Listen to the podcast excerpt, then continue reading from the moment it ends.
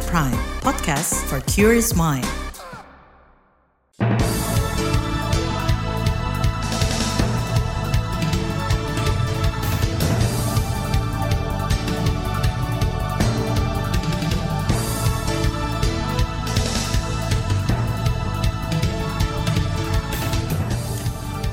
Selamat pagi saudara, berjumpa kembali dalam Buletin Pagi edisi Jumat 3 Maret 2023. Saya Naomi Liandra.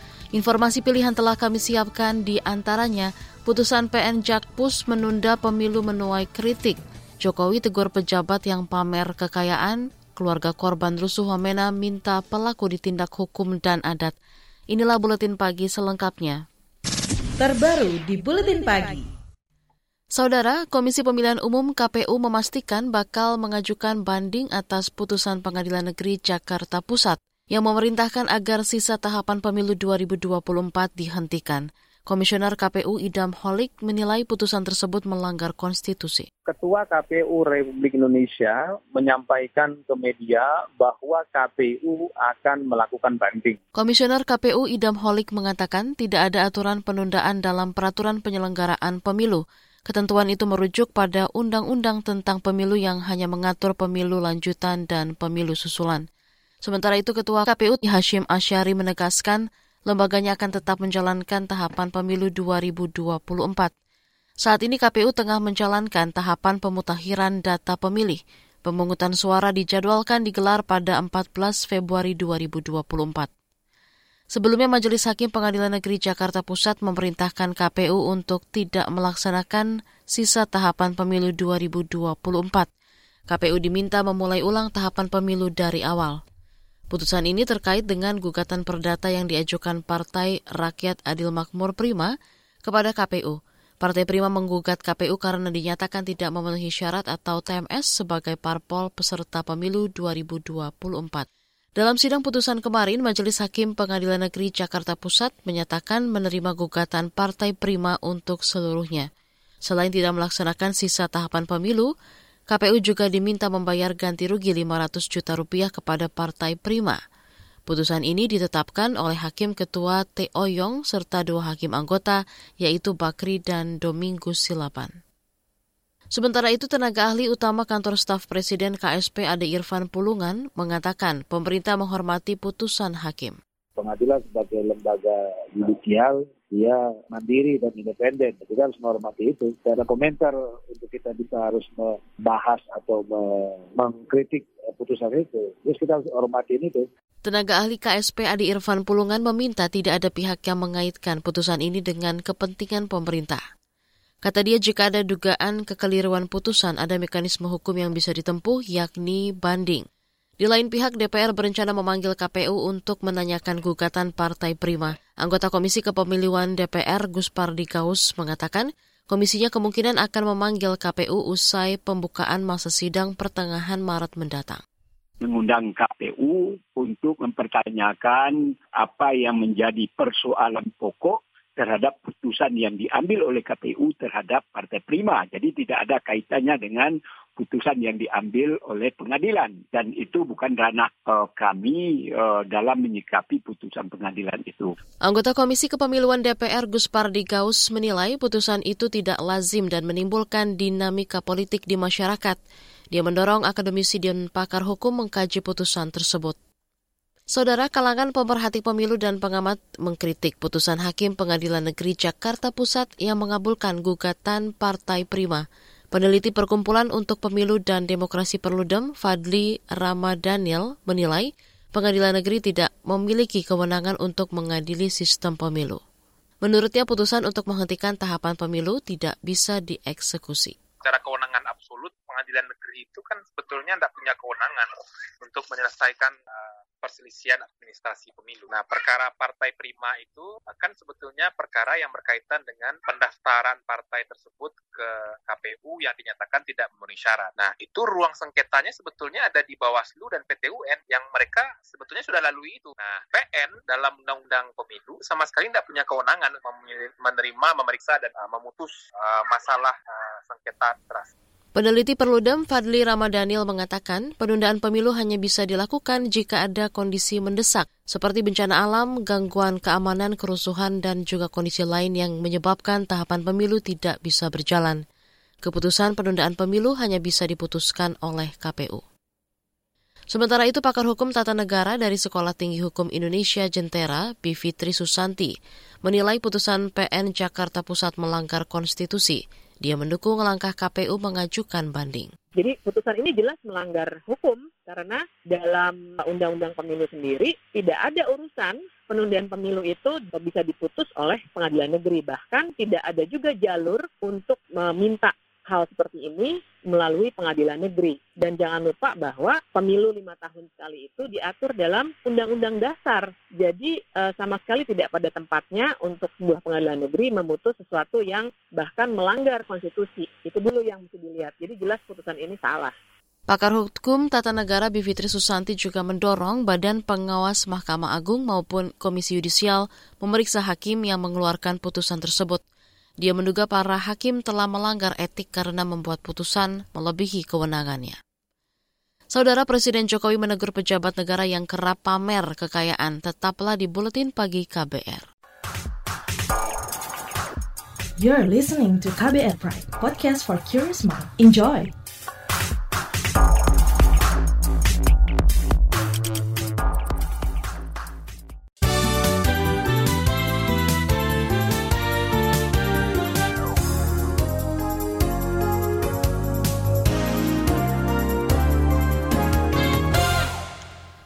Presiden Joko Widodo menyentil perilaku pejabat pemerintahan yang kerap memamerkan kekayaan.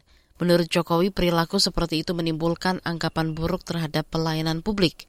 Teguran ini disampaikan Jokowi saat membuka sidang Kabinet Paripurna di Istana Negara kemarin.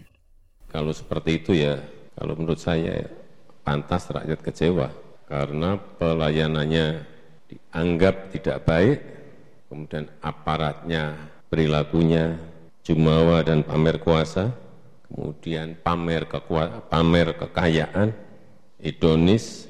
Presiden Jokowi menyoroti kasus pegawai pajak yang memiliki kekayaan tak wajar dan pegawai bea cukai yang pamer kekayaan. Menurut Jokowi, perilaku tersebut telah mengecewakan masyarakat. Kepala negara meminta seluruh menteri dan kepala lembaga mendisiplinkan aparat di bawahnya. Sebelumnya, bekas pejabat Ditjen Pajak Jakarta Selatan Rafael Aluntri Sambodo disorot lantaran memiliki kekayaan tak wajar hingga 56 miliar rupiah.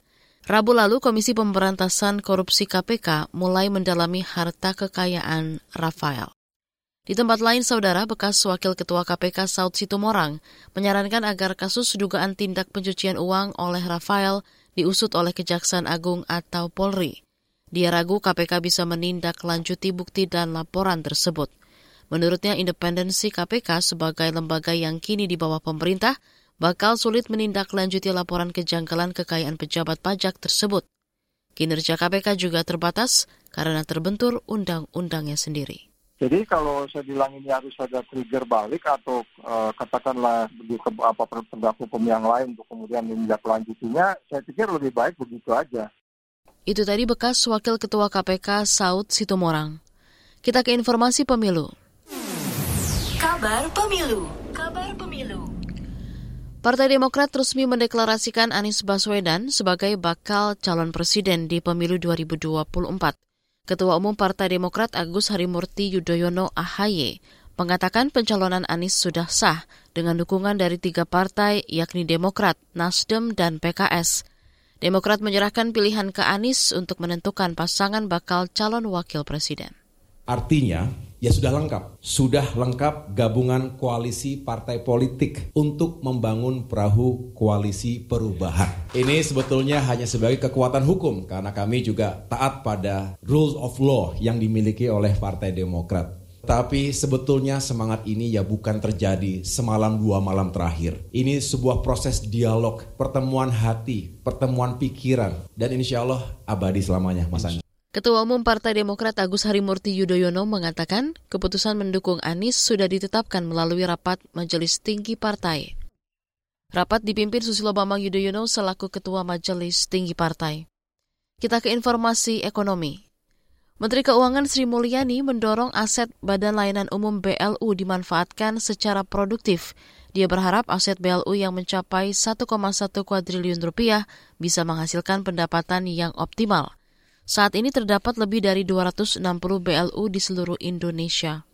Asetnya jangan dibiarkan tidur Bapak dan Ibu kerjanya luar biasa asetnya harus bekerja. Coba dilihat. Namun saya minta kalau Bapak dan Ibu sekalian mau melakukan penggunaan aset secara produktif atau bahkan komersial tetap dengan rambu-rambu tata kelola yang baik. Jangan sampai kemudian ini menimbulkan malapetaka, terjadi korupsi. Menteri Keuangan Sri Mulyani mengatakan pendapatan BLU pada 2022 mencapai hampir 90 triliun rupiah. Pendapatan itu telah melampaui target awal yakni 78 triliun rupiah. Kita ke informasi lain, saudara. Sekitar 60 persen penduduk Indonesia tidak mampu mengakses pangan sehat dan bergizi. Hal itu disampaikan ekonom senior Indef Bustanul Arifin. Mengapa? Karena pangan sehat kita itu sangat mahal, sangat mahal pangan sehat kita. Itu very serius menurut saya. Yang menjadi hambatannya dengan kemampuan kita konsumsi sayur dan buah ya, kita paling kecil tuh ekspornya, kecil impornya kecil. Beda dengan Vietnam sama Thailand ekspor semua itu buahnya. Sudah tidak memproduksi, tidak makan pula. Ya, makanya suruh sehat bagaimana. Ekonom senior Indef Bustanul Arifin menyebut Indonesia merupakan negara yang banyak mengalami beban gizi ganda seperti stunting. Temuan itu merupakan hasil kajian dari jurnal kesehatan The Lancet. Bustanul mendorong perluasan cadangan pangan pemerintah CPP melibatkan daerah dan badan usaha lain. LSM Amnesty International Indonesia mempertanyakan upaya pemerintah mencalonkan diri menjadi anggota Dewan HAM PBB. Menurut manajer kampanye Amnesty International Indonesia, Nurina Safitri, Indonesia tidak memiliki komitmen kuat dalam menegakkan HAM. Jadi sebenarnya masih banyak uh, eh, PR-PR HAM Indonesia yang ini harus diselesaikan karena kan yang kita mau lihat kan akuntabilitas uh, Indonesia sebagai sebuah negara gitu. Kalau memang uh, pencalonan sebagai anggota Dewan HAM ini pandang sebagai jalan untuk menunjukkan uh, Indonesia sebagai negara yang memang menjamin HAM, saya rasa itu keliru. Itu tadi manajer kampanye Amnesty International Indonesia, Nurina Safitri. Saudara, Indonesia akan kembali mencalonkan diri sebagai anggota Dewan HAM PBB periode 2024-2026. Fungsi pokok Dewan HAM PBB antara lain sebagai pengawas yang membongkar kasus-kasus pelanggaran HAM di dunia. Beralih ke berita mancanegara, Menteri Perhubungan Yunani Kostas Karamanlis mundur dari jabatannya pada Rabu waktu setempat. Pengunduran diri ini dilakukan menyusul insiden tabrakan kereta yang menewaskan lebih dari 30 orang. Dikutip dari antara, Karamanlis mengatakan pengunduran dirinya merupakan bentuk untuk menghormati para korban. Dia menyatakan bertanggung jawab atas kegagalan pemerintah selama bertahun-tahun. Insiden tabrakan kereta itu terjadi pada Selasa malam waktu setempat. Kecelakaan terjadi ketika kereta penumpang anjlok dan terbakar setelah menabrak kereta barang. Ini merupakan kecelakaan kereta terparah yang pernah terjadi di Yunani. Beralih ke berita olahraga. Sekitar 80 persen pemain timnas Indonesia U22 untuk ajang SEA Games merupakan muka baru. Pelatih timnas U22 Indra Syafri mengatakan ingin memberi kesempatan kepada pemainnya untuk unjuk kualitas. Indra telah memanggil 34 pemain untuk mengikuti pemusatan latihan menjelang SEA Games 2023 Mei mendatang. Dalam latihan perdana di Gelora Bung Karno, enam pemain absen. Pemusatan latihan jelang SEA Games 2023 akan berlangsung mulai bulan ini dan dibagi menjadi dua gelombang. Real Madrid harus menerima kenyataan pahit saat takluk di tangan Barcelona pada leg pertama semifinal Copa del Rey 2023. Madrid tumbang 0-1 atas Barcelona di Santiago Bernabeu Jumat 3 Maret 2023. Barcelona unggul lebih dulu. Eder Militao melakukan gol bunuh diri di menit ke-26 ketika Salah mengantisipasi bola muntah hasil tepisan kiper Thibaut Courtois. Pada babak kedua yang berjalan lebih ketat, Barcelona memilih bertahan rendah untuk menjaga keunggulan, sedangkan Madrid tak punya solusi untuk menyerang. Hingga laga berakhir tidak ada lagi gol yang tercipta. Barcelona mengambil keuntungan dengan unggul agregat di laga tandang. Di bagian berikutnya kami hadirkan laporan khas KBR tentang dilema perajin tahu di Sidoarjo tinggalkan sampah plastik. Tetaplah di Buletin Pagi KBR. You're listening to KBR Pride, podcast for curious mind. Enjoy!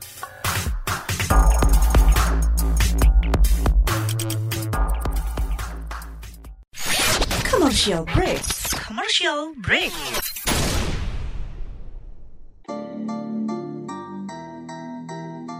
Come on yo, buat yang sukanya berhoax, you better listen to this one. Check this one out yo.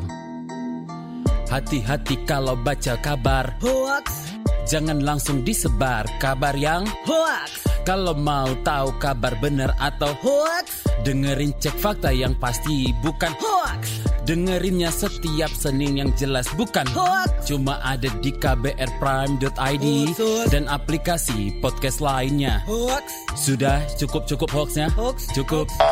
Jaga emosi, tahan jari, verifikasi sebelum dibagi. Saya Ari Bowo Sasmito, Ketua Komite Pemeriksa Fakta Mafindo. KBR Prime, podcast for curious mind.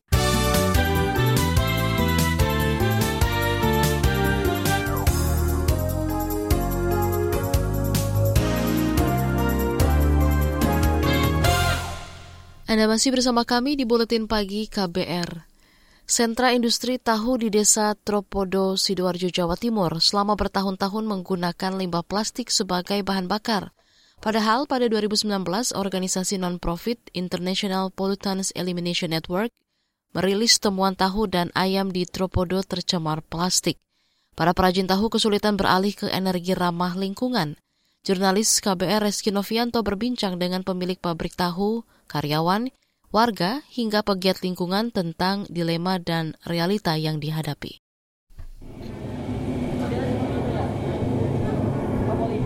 Asap hitam pekat menyembur dari puluhan cerobong asap setinggi belasan meter di sentra industri tahu desa Tropodo, Sidoarjo, Jawa Timur. Ini adalah pemandangan saban hari mulai jam 8 pagi sampai 4 sore. Di pabrik tahu milik Gufron, para pekerja bolak-balik memasukkan bahan bakar dari sampah plastik ke dalam tungku. Memastikan nyala api cukup untuk memasak kedelai jadi tahu. Gufron sudah memanfaatkan sampah plastik impor sebagai bahan bakar sejak memulai bisnisnya 8 tahun lalu. Memang dari awal semua itu pakai plastik. Karena apa? Kayu sulit. Atas ramai-ramai-ramai semua pakai kayu. Ternyata kayu itu tutup pabriknya. Jadi jadi pakai plastik lagi. Pria paruh baya ini sempat beralih ke kayu bakar setelah heboh temuan telur dan ayam di desa Tropodo tercemar plastik. Namun, tak berapa lama, ia kembali menggunakan sampah plastik karena harganya lebih murah dan mudah didapat. Kalau per masak, kalau pakai kayu minimal 5000 Lah kalau plastik 3000 Oh. Itu jauh, eh. CC 2000 itu jauh. Sekali masak mana 100 ya CC 200 ribu satu hari.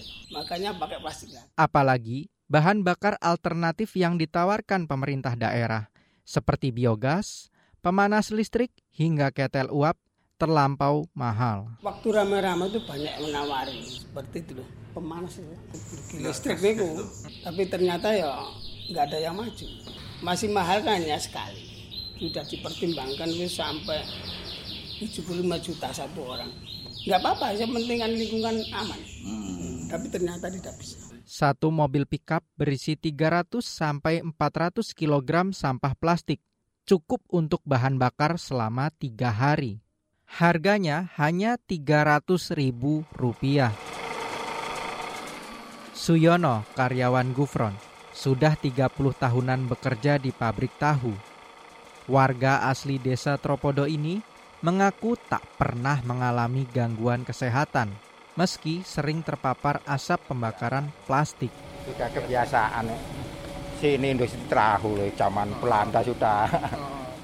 Hal sebaliknya dirasakan Nayah, warga Tropodo yang tinggal tak jauh dari sentra industri tahu. Rumahnya dikelilingi empat cerobong asap. Nayah dan keluarga kerap mengalami gangguan pernapasan. Nggih seri niki, gorokan niki serak. Nggih, serak. Perempuan 60 tahun ini bersama warga lain sudah berulang kali memprotes penggunaan bahan bakar dari sampah plastik. Namun, hasilnya nihil. Ngeya lah nggih kula niku delokaken wis kaya napa lah ngelokaken. Nggih, ngomel niku sering niku, nggih. Wong RT-ne mawon ngomeli ya mboten direken nah kali niki ya. Nggih, nggak bis plus. Selain asap, abu hasil pembakaran sampah plastik juga berbahaya. Kata peneliti organisasi lingkungan Ekoton, Eka Clara Budiarti. Pada 2019 silam, International Pollutant Elimination Network, IPEN menemukan telur ayam di Tropodo tercemar racun dioksin dari sisa limbah plastik. Ekoton adalah salah satu anggota IPEN. Nah, karena abu ini kan turun di pekarangan si sentra tahu tadi dan kemudian ketika ayam itu mencari makanan otomatis mereka juga akan keikut kan ke organ pencernaannya mereka. Clara membeberkan bahaya dioksin dalam telur ayam. Si telur ini mengandung dioksin. Tadi yang sudah dipaparkan tadi ada sekitar 70 kali lipat atau kandungannya itu lebih dari tiga setengah TQ gram per lemak di dalam satu butir telur itu tadi. Yang mana ini adalah melebihi bang, batas baku mutu dari FSA atau Otoritas Keamanan Pangan. Empat tahun sejak temuan itu, belum ada perubahan signifikan di Tropodo. Pabrik tahu tak bisa jadi satu-satunya pihak yang disalahkan. Pemerintah pun mesti turun tangan. Padahal potensi-potensi di di sana itu lebih banyak gitu ya. Ada peternak gitu kan. Mungkin bisa memanfaatkan peternak itu untuk bisa bikin biogas gitu kan, untuk bisa mengalihkan alternatif bahan bakunya si ini tadi plastik kan bisa jadi dari biogas itu kan. Tapi ya kenyataannya masih belum ada pendampingan dan realisasi untuk membantu mensubsidi itu. Demikian Saga KBR. Saya Reski Novianto. Informasi dari berbagai daerah akan hadir usai jeda. Tetaplah bersama Buletin Pagi KBR. You're listening to KBR Pride, podcast for curious mind. Enjoy!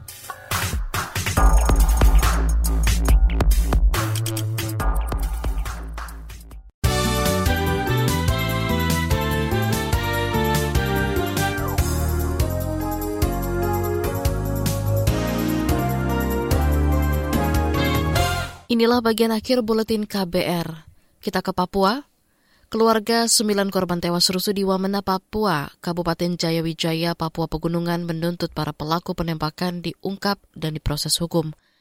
Salah satu keluarga korban, Namantus Guijangge, mengatakan mereka juga sepakat pelaku dikenakan sanksi adat, yakni membayar 5 miliar untuk setiap korban tewas, 1 miliar untuk setiap korban luka, dan 30 ekor babi. Ya, penyelesaian adat harus dilakukan, tetapi juga para pelaku harus diproses hukum. Korbannya ada orang asli Papua dan ada non Papua, sehingga semua korban itu mereka harus dapat keadilan yang sama. Keluarga korban rusuh Wamena Namantus Gwijangge juga mendesak Kapolres Jayawijaya Hesman Sotarduga bertanggung jawab. Dia menilai Kapolres tak mampu mengendalikan situasi di sana. Saudara kerusuhan di Wamena akhir Februari lalu diduga akibat isu penculikan anak.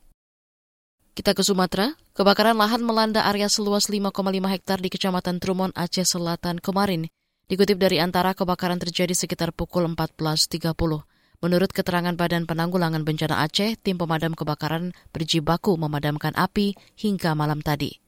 Penyebab kebakaran masih dalam penyelidikan aparat penegak hukum.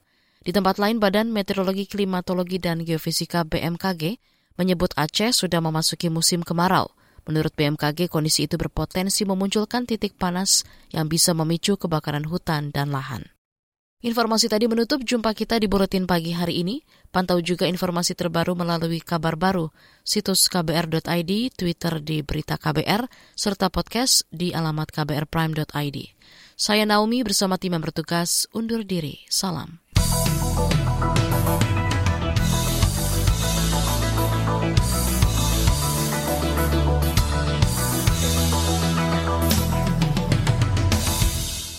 KBR Prime, cara asik mendengar berita. KBR Prime, podcast for curious mind.